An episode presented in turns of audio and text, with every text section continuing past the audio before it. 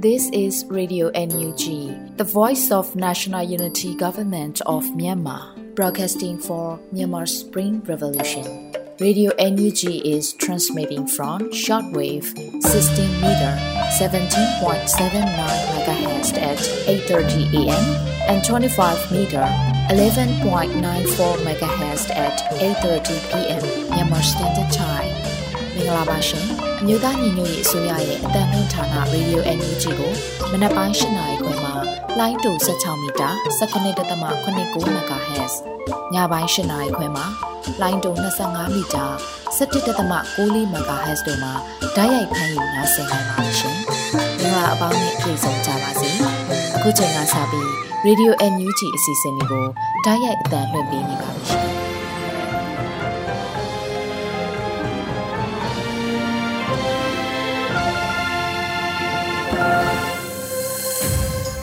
မြန်မာနိုင်ငံသူနိုင်ငံသားပေါင်းတဘာဝဘေးစစ်အာဏာရှင်ဘေးရောနေကင်းဝေးပြီးကိုစိတ်နှပါကြားမလုံးချုံဘေးကင်းကြပါစေလို့ရေဒီယို UNG ဖွဲ့သားများကဆုတောင်းမေတ္တာပို့သလိုက်ရပါတယ်ရှင်။အခုချိန်ကစပြီးကာကွယ်ရေးဝန်ကြီးဌာနမှထုတ်ပြန်တဲ့စစ်ရေးတရင်အချင်းချုပ်ကိုຫນွေဦးမောင်ကဖတ်ကြားတင်ဆက်ပေးပါမယ်ရှင်။ယခုတင်ဆက်ပေးမှာကတော့ကာကွယ်ရေးဝန်ကြီးဌာနအမျိုးသားညီညွတ်ရေးအစိုးရမှထုတ်ဝေသောနိုင်စင်စီရေးတရင်အချင်းချုပ်ပဲဖြစ်ပါတယ်။ စီရေးသတင်းအချင်းချုပ်စက်ကောင်စီတပ်သားကြဆုံး6ဦးစက်ကောင်စီတပ်သားဒဏ်ရာရ8ဦးစက်ကောင်စီနဲ့တိုက်ပွဲဖြစ်ပွားမှုသတင်းများကိုတင်ဆက်ပေးပါမယ်။ချင်းပြည်နယ်တွင်2022ခုနှစ်ဧပြီလ25ရက်နေ့ချင်းပြည်နယ်ဟာခါမြို့နယ်ခွန်ကျုံကျေးရွာအဝင် CDF ဟာခါဤစစ်စေးရေးဂိတ်ကိုစစ်ကောင်စီတပ်များမှချောင်းမြောင်းပစ်ခတ်ခဲ့သောကြောင့် CDF ဟာခါမှရဲဘော်2ဦးကြာဆုံးသွားခဲ့ကြောင်းသိရသည်။စကိုင်းတိုင်းတွင် 2022ခုနှစ်ဧပြီလ24ရက်နေ့စကိုင်းတိုင်းကလေးမြို့နယ်စီတာကျေးရွာနဲ့နတ်မြောင်းကျေးရွာကြား၌စစ်ကောင်စီကားတန်းအားကလေးမြို့နယ်ပကဖကလေးခရိုင် PDF တရင်တို့မှမိုင်းဆွဲတိုက်ခိုက်ခဲ့သည်2022ခုနှစ်ဧပြီလ25ရက်နေ့စကိုင်းတိုင်းစကိုင်းမြို့နယ်ဘဲကရိုကျေးရွာအနီးစကိုင်းရွှေဘိုကားလမ်းမပေါ်ရှိစစ်ကောင်စီကားနှစ်စီးအားစကိုင်းခရိုင် PDF တရင်3တက်ခွဲတင်မှ ရှေ့ထွက်မိုင်း၃လုံးဖြင့်မိုင်းဆွဲတိုက်ခိုက်ခဲ့ရာစစ်ကောင်စီတပ်သားများထိခိုက်ဒေဆုံးမှုရှိခဲ့သည်။မွန်ပြည်နယ်တွင်2022ခုနှစ်ဧပြီလ25ရက်နေ့မွန်ပြည်နယ်ကြိုက်ထုံမြို့နယ်အင်ကဘိုကျေးရွာအနီး၌စစ်ကောင်စီတပ်နှင့် KNLA ပူးပေါင်းတပ်ဖွဲ့ကြားတိုက်ပွဲဖြစ်ပွားခဲ့ပြီးစစ်ကောင်စီတပ်သား9ဦးသေဆုံး၍6ဦးဒဏ်ရာရရှိခဲ့သည်။ဆက်လက်ပြီးစစ်ကောင်စီအကြမ်းဖက်မှုများကိုတင်ဆက်ပေးပါမယ်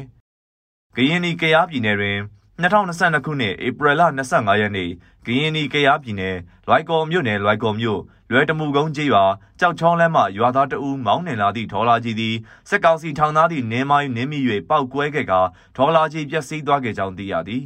။စကိုင်းတိုင်းတွင် 2022ခုနှစ်ဧပြီလ24ရက်နေ့စကိုင်းတိုင်းဝင်းတုံမြို့နယ်အောင်းကုံကျေးရွာစိန်နယ်ကျေးရွာတပြေသာကျေးရွာ၃ရွာသို့စစ်ကောင်စီတပ်သားများရောက်ရှိလာပြီးကျေးရွာနေအိမ်များကိုမီးရှို့ဖျက်ဆီးခဲ့ပြီးအုတ်ရှိခုံကျေးရွာသို့စစ်ကောင်စီတပ်သားများရောက်ရှိလာကဘုံကြီးကျောင်းသို့ကျေးရွာပြည်သူများအားခေါ်ယူ၍တနာရီအတွင်းကျေးရွာအပြင်ထွက်ပေးရန်ပြောဆိုခဲ့ကြောင်းသိရသည်။ 2022ခုနှစ်ဧပြီလ25ရက်နေ့စကိုင်းတိုင်းဝက်လက်မြို့နယ်ရုံးပင်ကုန်းကျေးရွာသို့စစ်ကောင်စီတပ်သား150ခန့်ဝင်ရောက်ခဲ့ပြီးကျေးရွာနေအိမ်များအားမီးရှို့ဖျက်ဆီးသွားခဲ့သည်2022ခုနှစ်ဧပြီလ25ရက်နေ့စကိုင်းတိုင်းမင်းကင်းမြို့နယ်တန်ပေါက်ကျေးရွာသို့စစ်ကောင်စီတပ်သားပြူစောတိစုစုပေါင်းအင်အား80ခန့်ဝင်ရောက်ခဲ့ပြီးနေအိမ်များကိုမီးရှို့ဖျက်ဆီးခဲ့သည် 2022ခုနှစ်ဧပြီလ25ရက်နေ့စကိုင်းတိုင်းကလေးမြို့နယ်နတ်ချောင်းကျေးရွာသို့စစ်ကောင်စီတပ်သားများထပ်မံဝင်ရောက်၍လူနေအိမ်များကိုမီးရှို့ဖျက်ဆီးသွားခဲ့ပြီးယခုအကြိမ်အပါအဝင်၄ကြိမ်မြောက်မီးရှို့ဖျက်ဆီးခံခဲ့ရကာရခင်၃ကြိမ်အတွင်းအိမ်ခြေ390ကျော်မီးလောင်ပျက်စီးဆုံးရှုံးသွားခဲ့ကြောင်းသိရသည်။ မွန်ပြည်နယ်တွင်2022ခုနှစ်ဧပြီလ25ရက်နေ့မွန်ပြည်နယ်မူတုံမြို့နယ်မူတုံချောင်းနှခွကားလမ်းပိုင်းတောင်ကလေးကျေးရွာ၌စစ်ကောင်စီများသည်စိုက်ကယ်များနှင့်ကားများကိုရပ်တန့်ခိုင်းပြီးခရီးသွားပြည်သူများအားဖမ်းဆီးထားခြင်းမနက်ပိုင်း၌ခရီးသွားသည့်သူများနှင့်တောင်ကလေးရဲကင်းရှိချီစစ်ကောင်စီတပ်သားများကရောဘာချစ်သည့်ရွာသားများကိုပိန်းနဲ့တောင်ကလေးတကွန်တိုင်ဘက်သို့ဖမ်းဆီးခေါ်ဆောင်သွားခဲ့ရာရွာသား၁၈ယောက်ခန့်ပါသွားကြောင်းသိရသည်။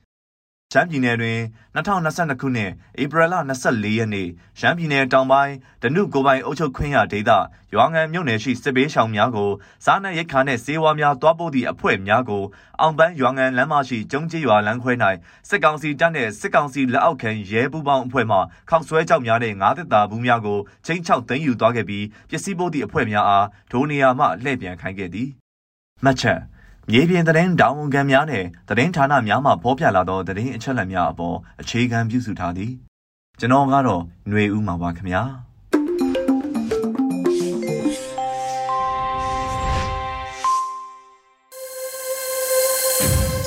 ယခုဆက်လက်ပြီး Radio UNG ရဲ့နောက်ဆုံးရသတင်းများကိုအေရီကဖတ်ကြားတင်ဆက်ပေးမှာဖြစ်ပါရရှင် မင်္ဂလာပါရှင်အခုချိန်ကစပြီး Radio NUG မနက်ခင်းသတင်းတွေကိုတင်ပြပေးတော့မှာဖြစ်ပါတယ်အခုတင်ပြပေးမယ့်သတင်းတွေကိုတော့ Radio NUG သတင်းတာဝန်ခံနေနဲ့ခိုင်လုံတဲ့မိဖက်သတင်းအရင်းမြစ်တွေကနေအခြေခံထားတာဖြစ်ပါတယ်ကျွန်မကတော့ Airy ပါရှင်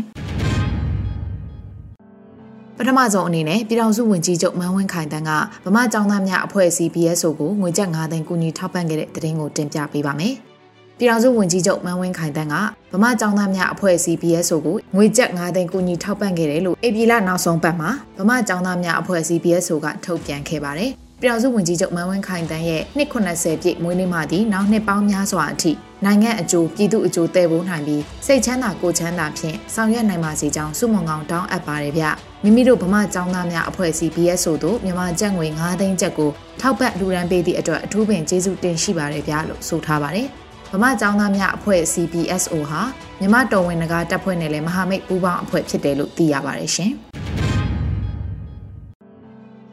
ဆက်လက်ပြီးစီဒီအမ်ဝန်ထမ်းတွေကိုဖိအားပေးချိန်ချောက်တာယာရုကထုတ်ပယ်တာတွေလှုပ်ဆောင်နေတဲ့သာသနာရေးနဲ့ယဉ်ကျေးမှုဝန်ကြီးဌာနကဝန်ထမ်း62ဦးကိုပြည်ထောင်စုဝန်ကြီးချုပ်အမိန့်နဲ့ထုတ်ပယ်လိုက်တဲ့သတင်းကိုတင်ပြပေးပါမယ်။စီဒီအမ်ဝန်ထမ်းတွေကိုဖိအားပေးတာချိန်ချောက်တာယာရုကထုတ်ပယ်တာတွေပြုလုပ်နေတဲ့ သာသနာရေးနဲ့ယဉ်ကျေးမှုဝန်ကြီးဌာနကဝန်ထမ်း62ဦးကိုဧပြီလ25ရက်နေ့မှာမြို့သားညီညွတ်ရေးအစိုးရပြည်ထောင်စုဝန်ကြီးချုပ်ရုံးကကြေညာချက်အမှတ်ရှင်မြင်းဆောင်2022ကိုထုတ်ပြန်ပြီးပြည်ထောင်စုဝန်ကြီးချုပ်ရဲ့အမိန့်နဲ့ထုတ်ပယ်လိုက်တယ်လို့သတင်းရရှိပါတယ်။အဆိုပါကြေညာချက်မှာပါရှိတာကတော့ပြည်အောင်စုသမ္မတမြန်မာနိုင်ငံတော်အမျိုးသားညီညွတ်ရေးအစိုးရဟာနိုင်ငံဝန်ထမ်းတွေအနေနဲ့အကြမ်းဖက်စစ်ကောင်စီရဲ့လက်အောက်မှာဆက်လက်တာဝန်မထမ်းဆောင်ပဲ ဓမ္မဘက်ကရက်တီပြီးပြည်သူနဲ့တသားတည်းဖြစ်စေဖို့အမိတ်အာဏာဖိစံရေးလှုပ်ရှားမှုစီရီယံမှာပါဝင်ကြစေဖို့အကြိမ်ကြိမ်ဖိတ်ခေါ်ကမ်းလှမ်းခဲ့ပြီးဖြစ်ပါတယ်။မြို့သားညီညွတ်ရေးအစိုးရဝန်ကြီးချုပ်ရုံးအနေနဲ့လည်းအော်တိုဘာလကစတင်က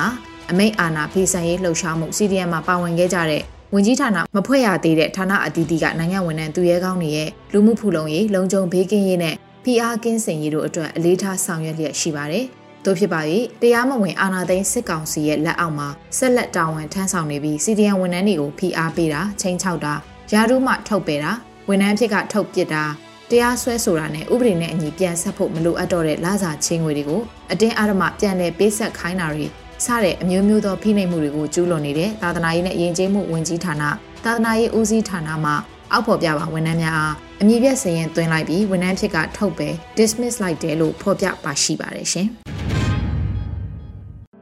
ဆက်လက်ပြီးအမျိုးသားညီညွတ်ရေးအစိုးရကတနှစ်တာကာလအတွင်းကျပ်သိန်းပေါင်း16900ကျော်ကို CDM ကျန်းမာရေးဝန်ထမ်းတွေအတွက်ပံ့ပိုးကူညီပေးနိုင်ခဲ့တဲ့ဆိုတဲ့သတင်းကိုတင်ပြပေးပါမယ်။ အမျိုးသားညီညွတ်ရေးအစိုးရကတနစ်တာကာလအတွင်းကျပ်သိန်းပေါင်း16900ကျော်ကို CDM ကျန်းမာရေးဝန်ထမ်းတွေအတွက်ကူညီပံ့ပိုးပေးနိုင်ခဲ့တယ်လို့ AP လအတွင်းအမျိုးသားညီညွတ်ရေးအစိုးရရဲ့တနစ်တာလုပ်ငန်းဆောင်ရွက်ချက်များကိုအစီရင်ခံရမှာထည့်သွင်းဖော်ပြခဲ့တာပါ။တနစ်တာကာလအတွင်းကျပ်သိန်းပေါင်း16900ကျော်ကို CDM ကျန်းမာရေးဝန်ထမ်းတွေအတွက်ပံ့ပိုးပေးနိုင်ခဲ့ပြီးကျပ်သိန်းပေါင်း11920ကိုထိခိုက်ဒဏ်ရာရ PDF တွေနဲ့ပြည်သူတွေကိုစေကူတာခြင်းစစ်ဘေးသင့်ပြည်သူတွေကိုအရေးပေါ်ကျန်းမာရေးစောင့်ရှောက်ပေးခြင်း COVID-19 ကာကွယ်ကုသခြင်းတို့လှုပ်ဆောင်ခဲ့ပါတယ်။ဒါအပြင်ကျန်းမာရေးဝန်ကြီးဌာနအနေနဲ့စေတပ်ဖွဲ့ဖွဲ့စည်းဖို့ညှိနှိုင်းဆောင်ရွက်ပေးခြင်းစုစုပေါင်းတင်နန်းသား9000ကျော်ကိုရှေးဦးတူနာပြုစုနည်းများပို့ချပေးခြင်းတွေဆောင်ရွက်ခဲ့တယ်လို့လည်းသိရှိရပါတယ်ရှင်။ဆက်လက်ပြီးဒေါအောင်ဆန်းစုကြည်ရဲ့ပသိမ်ထီမဲလက်မှတ်တွေကိုဧပြီ29ရက်နေ့မှာစတင်ရောင်းချမယ်ဆိုတဲ့သတင်းကိုတင်ပြပေးပါမယ်။ ဒေါန်ဆန်းစုကြည်ရဲ့ပသိမ်ထီမဲလက်မှတ်တွေကို AP 29ရက်နေ့မှာစတင်ရောင်းချသွားမယ်လို့သိရှိရပါတယ်။ဒေါန်ဆန်းစုကြည်စောင်းခဲ့မှုတဲ့ပသိမ်ထီကိုပိုင်ရှင်ဖြစ်သူကຫນွေဦးတော်လှန်ရေးအတွက်ပေးအပ်ခဲ့တာဖြစ်တယ်လို့လည်းသတင်းရရှိပါတယ်။အဆိုပါပသိမ်ထီကိုပြည်သူ့ဘဝလုံခြုံမှုအမိထီးဖြင့်ကာကွယ်ဆို1 million in 1 month campaign အမည်နဲ့ကမ္ဘာတဝန်းလုံး raffle tickets မဲလက်မှတ်တွေရောင်းချပြီးမဲဖောက်ပေးသွားမှာဖြစ်ပါတယ်မဲလက်မှတ်ဖိုးကတော့ဒေါ်လာ30ဖြစ်ပြီးတော့ကန်ဆန်းမှုကာလကတော့ AP လ29ရက်နေ့ကနေစတင်မယ်လို့သိရှိရပါတယ် CRPH Official Fundraising Program Network မှာလည်းမြန်မာပြည်အပါအဝင် တကမ္ဘာလုံးကဝယ်ယူနိုင်မှုစီစဉ်ပေးမှာဖြစ်ပြီးတော့ရရှိလာတဲ့မဲရောင်းချရငွေရဲ့80ရာခိုင်နှုန်းကို NUG အစိုးရရဲ့နောက်မြောက်ဒေသလွတ်မြောက်နယ်မြေတွေကိုထိန်းချုပ်နယ်မြေဖြစ်ဖော်ဆောင်တဲ့နေရာမှာအသုံးပြုသွားမှာဖြစ်ပြီးကျန်တဲ့30ရာခိုင်နှုန်းကိုတော့ခုခံစစ်ဆင်နွှဲနေတဲ့အဖွဲ့အစည်းတွေကိုပေးပို့သွားမှာဖြစ်တယ်လို့သိရှိရပါတယ်ရှင်။ ဆက်လက်ပြီးအမျိုးသားညီညွတ်ရေးအစိုးရကာကွယ်ရေးဝန်ကြီးဌာနကရှမ်းပြည်တပ်မတော် SSPP SSA တီထောင်ခြင်း58နှစ်ပြည့်အထိမ်းအမှတ်ကိုပေးပို့ခဲ့တဲ့တဝန်လွှာကိုဖတ်ကြားတင်ပြပေးပါမယ်။အမျိုးသားညီညွတ်ရေးအစိုးရကာကွယ်ရေးဝန်ကြီးဌာနကရှမ်းပြည်တပ်မတော် SSPP SSA တီထောင်ခြင်း58နှစ်ပြည့်အထိမ်းအမှတ်ကိုပေးပို့တဲ့တဝန်လွှာအပြည့်အစုံပါ။1ယနေ့2022ခုနှစ်ဧပြီလ24ရက်နေ့တွင်ကြာရောက်သောရှမ်းပြည်တပ်မတော် SSPP SSA တီထောင်ခြင်း58နှစ်ပြည့်အထိမ်းအမှတ်သို့ဤတဝန်လွှာကိုပေးပို့အပ်ပါသည်။နှစ် 1948ခုနှစ်ပင်လုံကတိကဝတ်များနဲ့အညီရှမ်းပြည်သူလူထု၏ကိုပိုင်ပြဋ္ဌာန်းခွင့်ကိုပိုင်အုပ်ချုပ်ခွင့်လူမျိုးစုအခွင့်အရေးများအပြည့်အဝရရှိနိုင်ရန်ရည်ရွယ်လျက်ရှမ်းပြည်တပ်မတော် SSPP SSA ကိုထူထောင်ကလက်နက်ကင်တော်လှန်ရေးကိုဆင်နွှဲခဲ့ကြခြင်းဖြစ်သည်၃ခေတ်ဆက်ဆက်စစ်အာဏာရှင်များ၏တပ်ရှိုသွေးခွဲအုပ်ချုပ်မှုများကြောင့်ရှမ်းပြည်အပါအဝင်ပြည်ထောင်စုတစ်ခုလုံးအပြောင်းလဲများစွာဖြစ်ပေါ်ခဲ့ရပြီးပြည်သူလူထုမှလည်းနစ်နာမှုများစွာကြုံတွေ့ခဲ့ရသည်၄ လက်ရှိအချိန်ဒီဘုံရန်သူဖြစ်သောအကြမ်းဖက်စစ်အုပ်စုကိုကျွန်ုပ်တို့ပြည်ထောင်စုဘွားတိုင်းရင်းသားအားလုံးအတူတကွလက်တွဲတွန်းလှန်ပြီးစစ်မှန်သော Federal Democracy ပြည်ထောင်စုစီသို့ဦးတည်လျှောက်လန်းရန်အချိန်အခါကောင်းဖြစ်သည်ဟုလေးနက်စွာယုံကြည်ပါသည်။ငါ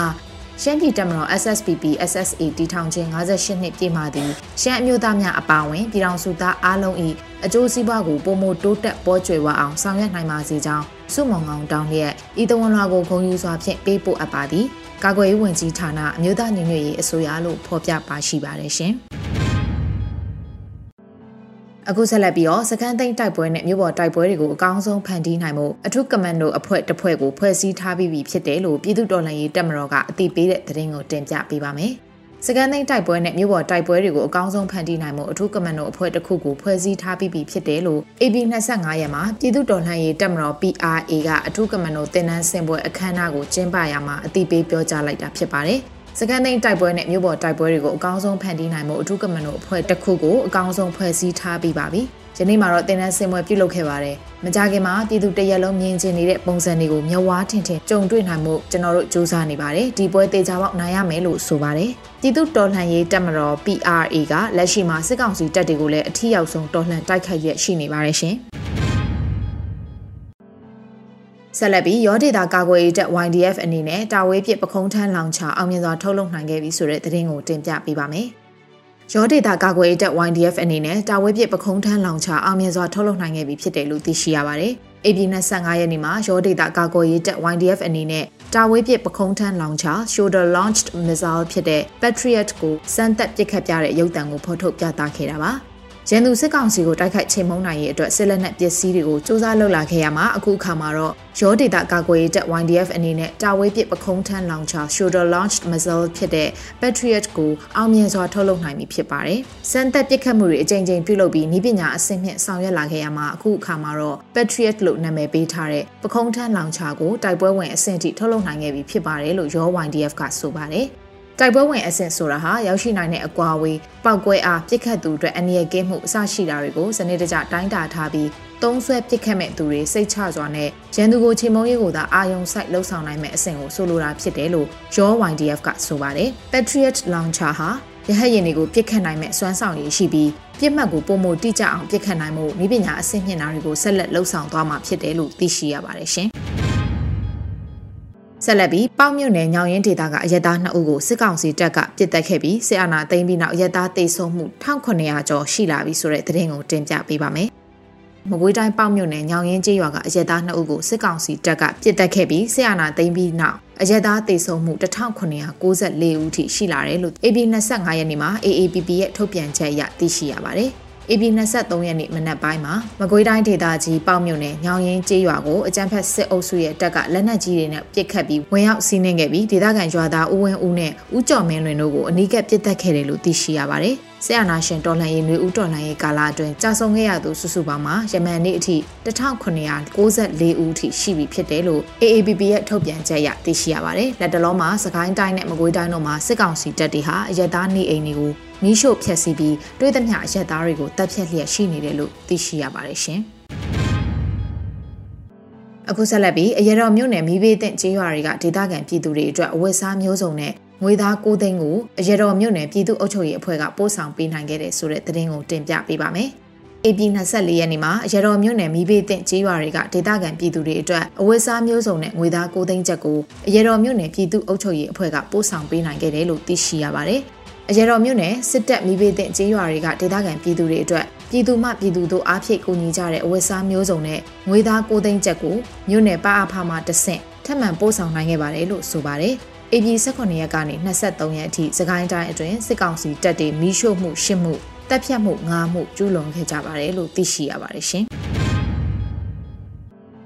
ဆက်လက်ပြီးစစ်ကောင်စီကိုဝင်ငွေရလန်ရှာဖွေပေးနေတဲ့ပြည်တွင်းရေးကြောင်ပို့ဆောင်ရေးရုံးချုပ်ကဝန်ထမ်းသစ်ခန့်ရမှာနေဆက်ရာဆွေမျိုးရင်းတွေကိုခန့်အပ်တယ်ဆိုတဲ့သတင်းကိုတင်ပြပေးပါမယ်။ဝင်ငွေရလန်ရှာဖွေပေးနေတဲ့ပြည်တွင်းရေးကြောင်ပို့ဆောင်ရေးရုံးချုပ်ကဝန်ထမ်းသစ်135ယောက်ခန့်ရမှာနေဆက်ရာဆွေမျိုးရင်းတွေကိုခန့်အပ်ခဲ့တယ်လို့သတင်းရရှိပါတယ်။ ဝန်ထမ်းသစ်တွေခန့်အပ်ရမှာနန်စီဒီယန်ဝန်ထမ်းတွေရဲ့အမျိုးအဆွေတွေကိုခန့်အပ်တယ်လို့စီဒီယန်ဝန်ထမ်းတွေကအတည်ပြုပြောပါတယ်။နောက်တိုးဝန်ထမ်း135ယောက်ထပ်ခန့်နေယာရူးစုံနဲ့နေစားသဘောခန့်တာပေါ့လက်ရှိနန်းစီဒီယန်အမျိုးတွေလည်းပါတယ်လို့ဆိုပါတယ်ဆရာနာရှင်စန့်ကျင်ရေးရုံးမတက်နဲ့ရုံးထွက်လှုပ်ရှားကြရမှာ ပြည်ရင်းရေချောင်ပို့ဆောင်ရေးကဝန်ထမ်းတွေလည်းစီဒီယန်လှုပ်ဆောင်ခဲ့ပြီးကြန့်ရှိဝန်ထမ်းတွေကစစ်ကောင်စီကိုထောက်ခံအားပေးကတက်လက်တာဝန်ထမ်းဆောင်ရရှိနေပါတယ်ပြည်ရင်းရေချောင်ပို့ဆောင်ရေးကအရာတန်းတွေဟာလေးလံတင်ရမှာလေးလံဆွဲသူကခါရဝပြူတာရေရင်တွေဖြည့်သွင်းရတဲ့စီတွေကခိုးယူရမှာခွဲတန်းရရှိတာပန်းစိုးရန်ဒလဂရုလက်မှတ်ဂိတ်ကုန်တင်ဝင်ပေါက်ကအပိုဝင်ငွေရရှိတာတွေနဲ့ပျော်မွေးလျက်ရှိနေတယ်လို့စုံစမ်းသိရှိရပါတယ်ရှင်။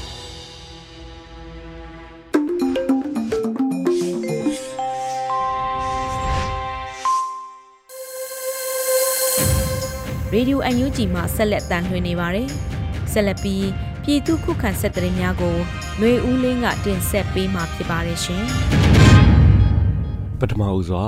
ဒဝယ်မြို့နယ်ပကာရီနယ်မြေရဲစခန်းကိုပြည်သူ့ကာကွယ်တပ်များဝင်ရောက်စီးနင်းတဲ့တဲ့ရင်ကိုတင်ဆက်ပါမယ်။ဒဝယ်မြို့အရှိတ်10မိုင်ကွာရှိပကာရီနယ်မြေရဲစခန်းကိုယမနေ့17:30မိနစ်တွင်ဝင်ရောက်စီးနင်းမီးရှို့ဖျက်သိမ်းကာရင်းဒေသတစ်ခုလုံးကိုနယ်မြေစိုးမိုးမှုရယူလိုက်ကြောင်းတနင်္သာရီဒေသခွဲကုတ်ကဲရေးအဖွဲ့သတင်းပြန်ကြားရေးအဖွဲ့ကထုတ်ပြန်ပါတယ်။ပြည်သူ့ကာကွယ်တပ် PDF နဲ့ဒဝယ်မြို့နယ်ပြည်သူ့ကာကွယ်တပ်တို့ပူးပေါင်းကစီးနင်းခဲ့ခြင်းပါယနေ့ဧပြီ25ရက်နေ့နနက်ပိုင်းတွင်မူစစ်ကောင်စီအင်အား60ခန့်ကတပြေရွာအနီးရှိရာဘာဆက်ယုံဝင်းကိုခြေကုပ်ယူကာပကာရီဘတ်သို့လက်နက်ကြီးများဖြင့်ပစ်ခတ်ရန်ပြင်ဆင်နေစဉ်ပြည်သူ့ကာကွယ်တပ်ဖွဲ့ကလက်ဦးမှုရယူကာလက်နက်ကြီးဖြင့်ပစ်ခတ်နိုင်ခဲ့ပါသည် အဆိုပါတိုက်ခိုက်မှုကြောင့်စစ်ကောင်စီဘက်တွင် ထိခိုက်မှုအများပြားရှိနိုင်သည်ဟုတနင်္သာရီစစ်ဒေသခွဲကုတ်ကဲရေးအဖွဲ့သတင်းပြန်ကြားရေးအဖွဲ့က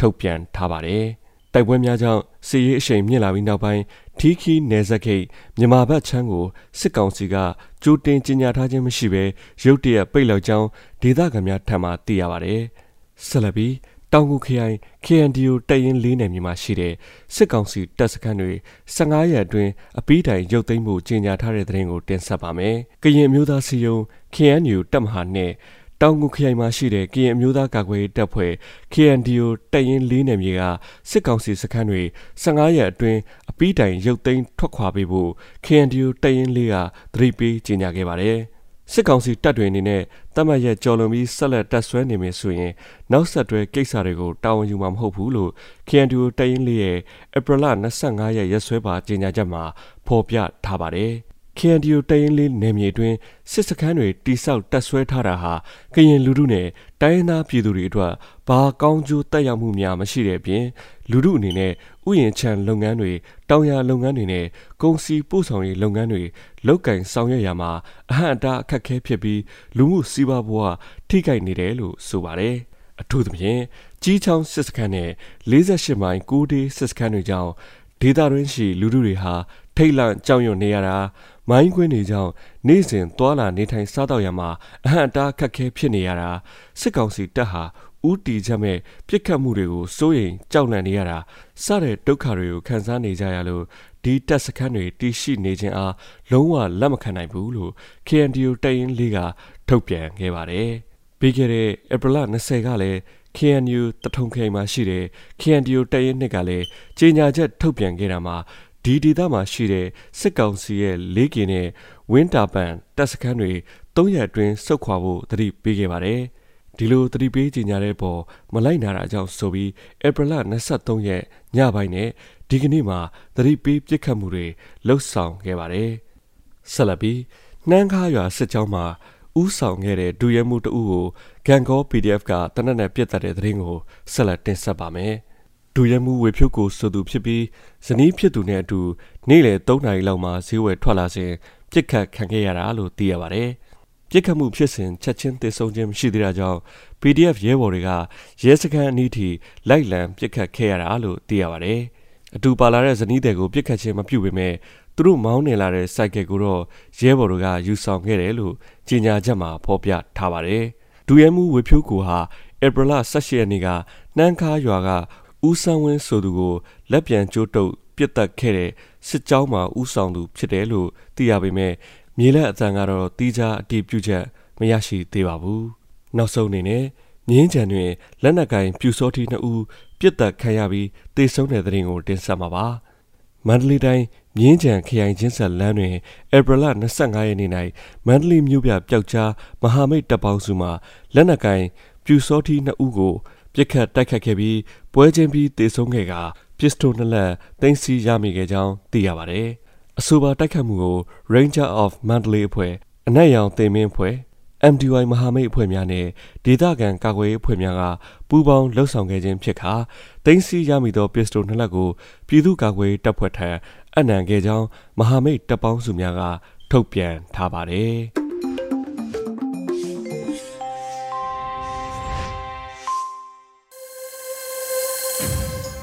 ဆက်လက်ပြီး PPTV ရဲ့နေ့စဉ်သတင်းတွေကိုထက်ထက်အင်ဒရာအောင်ကတင်ဆက်ပေးမှာဖြစ်ပါတယ်ရှင်။ခုပထမအဆုံးတင်ဆက်ပေးမှာကတော့အထူးဒေသအုပ်ချုပ်ရေးနယ်မြေခံခေါင်းဆောင်တွေနဲ့ဂျာကာလာဒေသန္တရအုပ်ချုပ်ရေးဆိုင်ရာအထူးဒေသအုပ်ချုပ်ရေးအစည်းအဝေးပြုလုပ်တယ်ဆိုတဲ့သတင်းမှာအမျိုးသားညီညွတ်ရေးအစိုးရပြည်ထရေးနဲ့လူဝင်မှုကြီးကြပ်ရေးဝန်ကြီးဌာနကဦးဆောင်ပြီးတော့အထူးဒေသအုပ်ချုပ်ရေးနယ်မြေခံခေါင်းဆောင်တွေနဲ့ဂျာကာလာဒေသန္တရအုပ်ချုပ်ရေးဆိုင်ရာအထူးဒေသအုပ်ချုပ်ရေးအစည်းအဝေးကိုဧပြီလ24ရက်မနက်မှာပြုလုပ်ခဲ့ပါတယ်။ အစည်းအဝေးမှာအထူးဒေသအတွက်အုပ်ချုပ်ရေးဆိုင်ရာလုပ်ငန်းတွေပုံမထိရောက်စွာအကောင့်ထဲပေါ်နိုင်ရေးဆိုင်ရာလုပ်ငန်းတွေအခွန်ငွေကောက်ခံမှုဆိုင်ရာလုပ်ငန်းကိစ္စရပ်တွေကိုဆွေးနွေးခဲ့ကြပါတယ်။ဒါအပြင်ရရှိလာတဲ့ဗန်နာဝင်နဲ့ကျန်းမာရေးပညာရေးအပါအဝင်ကဏ္ဍလိုက်စနစ်တကျစီစစ်သုံးဆွဲကြရတဲ့မြေပြင်မှာတွေ့ရတဲ့အခက်အခဲပြဿနာတွေကိုတက်ရောက်လာကြသူတွေကဆွေးနွေးခဲ့ကြပါတယ်။ အစည်းအဝေးကိုကျန်းမာရေးဝန်ကြီးဌာနနဲ့ပညာရေးဝန်ကြီးဌာနပြည်ထောင်စုဝန်ကြီးဒေါက်တာဇော်ဝေဆိုလျှက်စစ်နဲ့စွမ်းရည်ဝန်ကြီးဌာနပြည်ထောင်စုဝန်ကြီးဦးစိုးသူရထွန်းစီမံကိန်းဗန္ဒာရေးနဲ့ရင်းနှီးမြှုပ်နှံမှုဝန်ကြီးဌာနဒုတိယပြည်ထောင်စုဝန်ကြီးဦးမင်းစရာဦးအပါအဝင်ဝန်ကြီးဌာနအသီးသီးကအတွင်းဝင်တွေပြည်ထောင်စုနဲ့လူဝင်မှုကြီးကြပ်ရေးဝန်ကြီးဌာနကတာဝန်ရှိသူတွေအထူးဒေသအုပ်ချုပ်ရေးနေမြေကန်ခေါင်းဆောင်တွေတက်ရောက်ခဲ့ပါတယ်။ဆက်လက်တင်ဆက်ပေးမှာကတော့အမျိုးသားညီညွတ်ရေးအစိုးရပြည်ထောင်စုနဲ့လူဝင်မှုကြီးကြပ်ရေးဝန်ကြီးဌာနကဦးစီးဌာနတွေအသစ်ပြန်လည်ဖွဲ့စည်းလိုက်တဲ့ဆိုတဲ့သတင်းမှာအမျိုးသားညီညွတ်ရေးအစိုးရပြည်ထရေးနဲ့လူဝင်မှုကြီးကြပ်ရေးဝန်ကြီးဌာနကဧပြီလ24ရက်ရက်စွဲနဲ့ဦးစီးဌာန3ခုကိုပြောင်းလဲဖွဲ့စည်းခဲ့တဲ့ဆိုတဲ့အမိန့်ကြေညာစာတွေထုတ်ပြန်လိုက်တာပါပြောင်းလဲဖွဲ့စည်းခဲ့တဲ့ဦးစီးဌာနတွေကတော့လူဝင်မှုကြီးကြပ်ရေးဦးစီးဌာနစီဒီယန်ဝန်ထမ်းများကိုစားပြုကော်မတီကိုလူဝင်မှုကြီးကြပ်ရေးဦးစီးဌာနမြန်မာနိုင်ငံလုံးဆိုင်ရာ CDN မိသက်ဝန်ထမ်းများကိုစားပြုကော်မတီကိုမိသက်ဦးစီးဌာနနဲ့ အထွေထွေအုပ်ချုပ်ရေးဦးစီးဌာန CDN ဝန်ထမ်းများအုပ်ချုပ်မှုကော်မတီကိုပြည်သူ့အုပ်ချုပ်ရေးဦးစီးဌာနအဖြစ်နဲ့ပြောင်းလဲလိုက်တာပါ အသစ်ဖွဲ့စည်းလိုက်တဲ့ဦးစီးဌာနတွေကအမျိုးသားညီညွတ်ရေးအစိုးရရဲ့စိုးမိုးနယ်မြေတွေနဲ့ထိန်းချုပ်နယ်မြေတွေမှာအကြမ်းဖက်စစ်ကောင်စီရဲ့လစ်လက်သွားတဲ့အုပ်ချုပ်ရေးရန်တရားမှာအစားဝင်ရောက်ပြီးလှုံ့ဆော်နိုင်ဖို့အတွက်ဖြစ်တယ်လို့ကြေညာချက်မှာဖော်ပြထားတာကိုတွေ့ရပါတယ်။ဆက်လက်တင်ဆက်ပေးမှာကတော့တယ်လီကျမ်းမှာအစီအစဉ်ကို6လကျော်ကာလအတွင်းမြို့နယ်ပေါင်း298မြို့နယ်ကလူနာပေါင်း8000နီးပါးဆွေးနွေးတိုင်ပင်ကုသပေးခဲ့တဲ့ဆိုတဲ့သတင်းမှာ အမျိုးသားညီညွတ်ရေးအစိုးရကျန်းမာရေးဝန်ကြီးဌာနကလှုပ်ဆောင်နေတဲ့တယ်လီကျန်းမာအစီအစဉ်ကိုကိုလာကျော်ကာလအတွင်းမှာမြို့နယ်ပေါင်း298မြို့နယ်ကလူနာပေါင်း8000နီးပါးဆွေးနွေးတိုင်ပင်ကုသပေးခဲ့တယ်လို့သတင်းထုတ်ပြန်လိုက်ပါတယ်။တယ်လီကျန်းမာအစီအစဉ်ကိုဆက်သွယ်ပြီးတော့ကုသမှုခံယူတာကမြန်မာနိုင်ငံ မြို့နယ်စုစုပေါင်းရဲ့90တသမ300ခိုင်နှုန်းအထိရှိထားပြီးတော့ယခုနှစ်မတ်လကုန်အထိလူနာပေါင်း98,809ဦးကိုအွန်လိုင်းကနေတဆင့်အခမဲ့တိုင်ပင်ဆွေးနွေးကုသပေးခဲ့တာလို့ဖော်ပြထားပါတယ်။ဆွေးနွေးတိုင်ပင်ကုသပေးခဲ့တာတွေက COVID-19 လူနာ66,262ဦးနဲ့အထွေထွေယောဂလူနာ12,548ဦးဖြစ်တယ်လို့ဖော်ပြထားပါတယ်။ လက်ရှိအချိန်မှာတော့မြန်မာပြည်တဝက်ကြီးလက်ရောမြို့ပြပါမကျန်းတယ်လီကျန်းမာကိုအားကိုးအားထားပြုပြီးဆွေးနွေးကုသမှုခံယူနေတယ်လို့လည်းဖော်ပြထားပါတယ်။အမျိုးသားညီညွတ်ရေးအစိုးရ NUG ကျန်းမာရေးဝန်ကြီးဌာနကနယူးတော်လှန်ရေးကာလအတွင်းအများပြည်သူတွေကိုကျန်းမာရေးစောင့်ရှောက်မှုပေးနိုင်ရန်ရည်ရွယ်ပြီးတော့တယ်လီကျန်းမာအခမဲ့အွန်လိုင်းဆေးကမ်းတွေကိုဒေါအောင်ဆန်းစုကြည်ရဲ့မွေးနေ့ရက်ဖြစ်တဲ့2021ခုနှစ်ဇွန်လ19ရက်နေ့မှာစတင်ဖွင့်လှစ်ခဲ့တာပါ။ ဆက်လက်ပြီးတော့လည်းအထွေထွေယောဂကုဆရာဝန်တွေအထူးကုဆရာဝန်ကြီးတွေကလူနာတွေကိုစေတနာအရောက်အခမဲ့ဆွေးနွေးလမ်းညွှန်ကုသမှုတွေပြုလုပ်ပေးသွားမှာဖြစ်တယ်လို့လည်းဖော်ပြထားပါတယ်။ချိုတင်ပိုကင်ယူပြီးစေကံပြသရန်အတွက်နဲ့စေကံပြသနိုင်ရန်အတွက် Telegram link တွေကိုလည်းကျန်းမာရေးဝန်ကြီးဌာန Facebook page မှာဖော်ပြထားပါတယ်။ Telegram မှာစေကံရဲ့နေ့စဉ်စေကံဖွင့်ချိန်ကတော့မနက်၈နာရီကနေညနေ6နာရီအတွင်းဖြစ်တယ်လို့လည်းသိရပါတယ်။ ဆက်လက်တင်ဆက်ပေးမှာကတော့တောင်ငူခရိုင် KNDO တရင်လေးနယ်မြေမှာရှိတဲ့စစ်ကောင်စီတပ်စခန်းတွေ15ရက်အတွင်းအပီးတိုင်ရုပ်သိမ်းဖို့ကြေညာချက်ထုတ်ပြန်လိုက်တဲ့ဆိုတဲ့သတင်းမှာကရင်အမျိုးသားအစည်းအရုံး KNU တပ်မဟာနှင့်တောင်ငူခရိုင်မှာရှိတဲ့ကရင်အမျိုးသားကာကွယ်ရေးတပ်ဖွဲ့ KNDO တရင်လေးနယ်မြေကစစ်ကောင်စီတပ်စခန်းတွေ15ရက်အတွင်းအပီးတိုင်ရုပ်သိမ်းထွက်ခွာသွားဖို့ KNDO တရင်လေးကတတိပေးကြေညာခဲ့ပါတယ်။ စစ်ကောင်စီတပ်တွေအနေနဲ့တတ်မှတ်ရဲ့ကြော်လွန်ပြီးဆက်လက်တပ်ဆွဲနေမယ်ဆိုရင်နောက်ဆက်တွဲကိစ္စတွေကိုတာဝန်ယူမှာမဟုတ်ဘူးလို့လည်း KNDO တပ်ရင်းလေးရဲ့ဧပြီလ25ရက်ရက်စွဲပါကြေညာချက်မှာဖော်ပြထားပါတယ်။ KNDO တရင်လေးနယ်မြေတွင်စစ်စခန်းတွေတိစောက်တပ်ဆွဲထားတာဟာကရင်လူထုနဲ့တိုင်းရင်းသားပြည်သူတွေအတွက်ဘာကောင်းကျိုးတက်ရောက်မှုမှမရှိတဲ့အပြင်လူထုအနေနဲ့ဥယျာဉ်ချမ်းလုပ်ငန်းတွေတောင်ယာလုပ်ငန်းတွေနဲ့ကုန်စည်ပို့ဆောင်ရေးလုပ်ငန်းတွေလုပ်ကိုင်ဆောင်ရွက်ရမှာအဟံတာအခက်အခဲဖြစ်စေပြီးလူမှုစီးပွားဘဝထိခိုက်နေတယ်လို့ဆိုပါတယ်အထူးသဖြင့်ကြီးချောင်းစစ်စခန်းနဲ့48မိုင်ကိုရီးစစ်စခန်းတွေကြောင့်ဒေသတွင်းမှာရှိတဲ့လူထုတွေဟာထိတ်လန့်ကြောက်ရွံ့နေရတာ မိုင်းဝဲနေကြောင်းနေ့စဉ်သွာလာနေထိုင်စားတောက်ရမှာအဟံအတာအခက်အခဲဖြစ်ရတာစစ်ကောင်စီတပ်ကဥတီချမ်းပဲပြစ်ခတ်မှုတွေကိုစိုးရိမ်ထိတ်လန့်နေရတာစတဲ့ဒုက္ခတွေခံစားနေရလို့အဲ့ဒီတပ်စခန်းတွေတရှိနေခြင်းအားလုံးဝလက်မခံနိုင်ဘူးလို့ KNDO တရင်လေးကထုတ်ပြန်ခဲ့ပါတယ်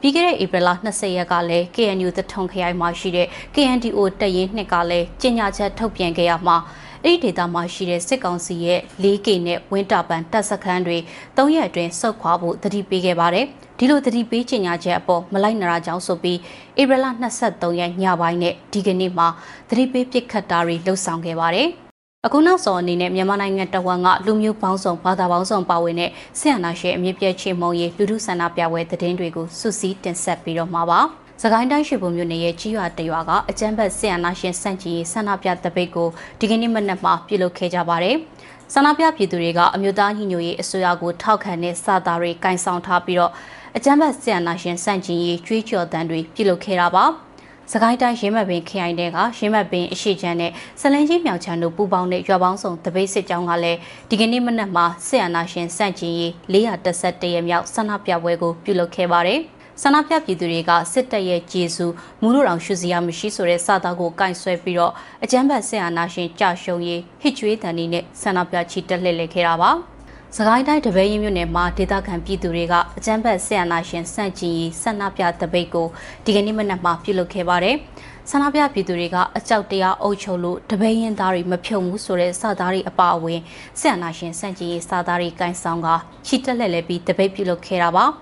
တနင်္သာရီတိုင်းတဝဲခရိုင်လောင်းလုံးမြို့နယ်မှာတော်လန်လူငယ်တွေဟာဆင်အနာရှင်စန့်ကြီးဆန္ဒပြတပိတ်ကိုဒီကနေ့မနက်မှာပြုလုပ်ခဲ့ပါတယ်။ဆန္ဒပြပွဲကိုလောင်းလုံးမြို့နယ်လုံးဆိုင်ရာအခြေခံပညာကျောင်းသားများတမကကဦးဆောင်ပြီးတော့ကျေးရွာတီတီကပြည်သူတွေကပူးပေါင်းခဲ့ကြတာလည်းဖြစ်ပါတယ်။ဆန္ဒပြပြည်သူတွေကကျေးရွာ၄ရွာကိုစိုက်ကယ်ရီနဲ့ပတ်ပြီးကျေးရွာတပိတ်တွေပြန်လည်နိုးထဖို့အတွက်တိုက်တွန်းနှိုးဆော်မှုတွေလုပ်ခဲ့တာဖြစ်ပါတယ်။ ဒါကတော့ဧပြီလ25ရက်နေ့သတင်းတွေနဲ့လူလူဆန္ဒပြပွဲသတင်းတွေကိုစုစည်းတင်ဆက်ပေးခဲ့တာဖြစ်ပါတယ်။ကျေးဇူးတင်ပါတယ်ရှင်။အာနာရှင်စနေမြေလည်းပြည့်နေဒီ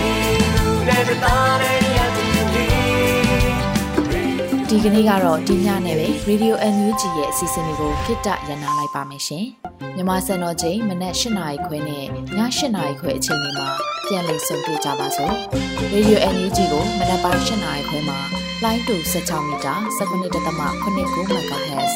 ညပိုင်း၈နာရီခွဲမှာလိုင်းတူ25မီတာ17.6 MHz တို့မှာဓာတ်ရိုက်ဖမ်းလို့နိုင်စေနိုင်ပါပြီ။မြန်မာနိုင်ငံသူနိုင်ငံသားတွေကိုစိတ်နှပြကျန်းမာချမ်းသာလို့ဘေးကင်းလုံခြုံကြပါစေလို့ Radio NUG အဖွဲ့သူဖေသားတွေကဆုတောင်းမြတ်တာပို့တာနေပါတယ်ရှင်။မြေသားညီမတွေအစိုးရရဲ့စက်တော်ရင်သတင်းအချက်အလက်တွေပညာဝန်ကြီးဌာနကထုတ်လွှင့်နေတဲ့ Radio NUG ဖြစ်ပါတယ်။ San Francisco Bay Area အခြေစိုက်မြန်မာမိသားစုတွေနဲ့နိုင်ငံတကာကစေတနာရှင်တို့အားပေးနေတဲ့ Radio NUG ဖြစ်ပါတယ်။အရေးတော်ပုံအောင်ရမည်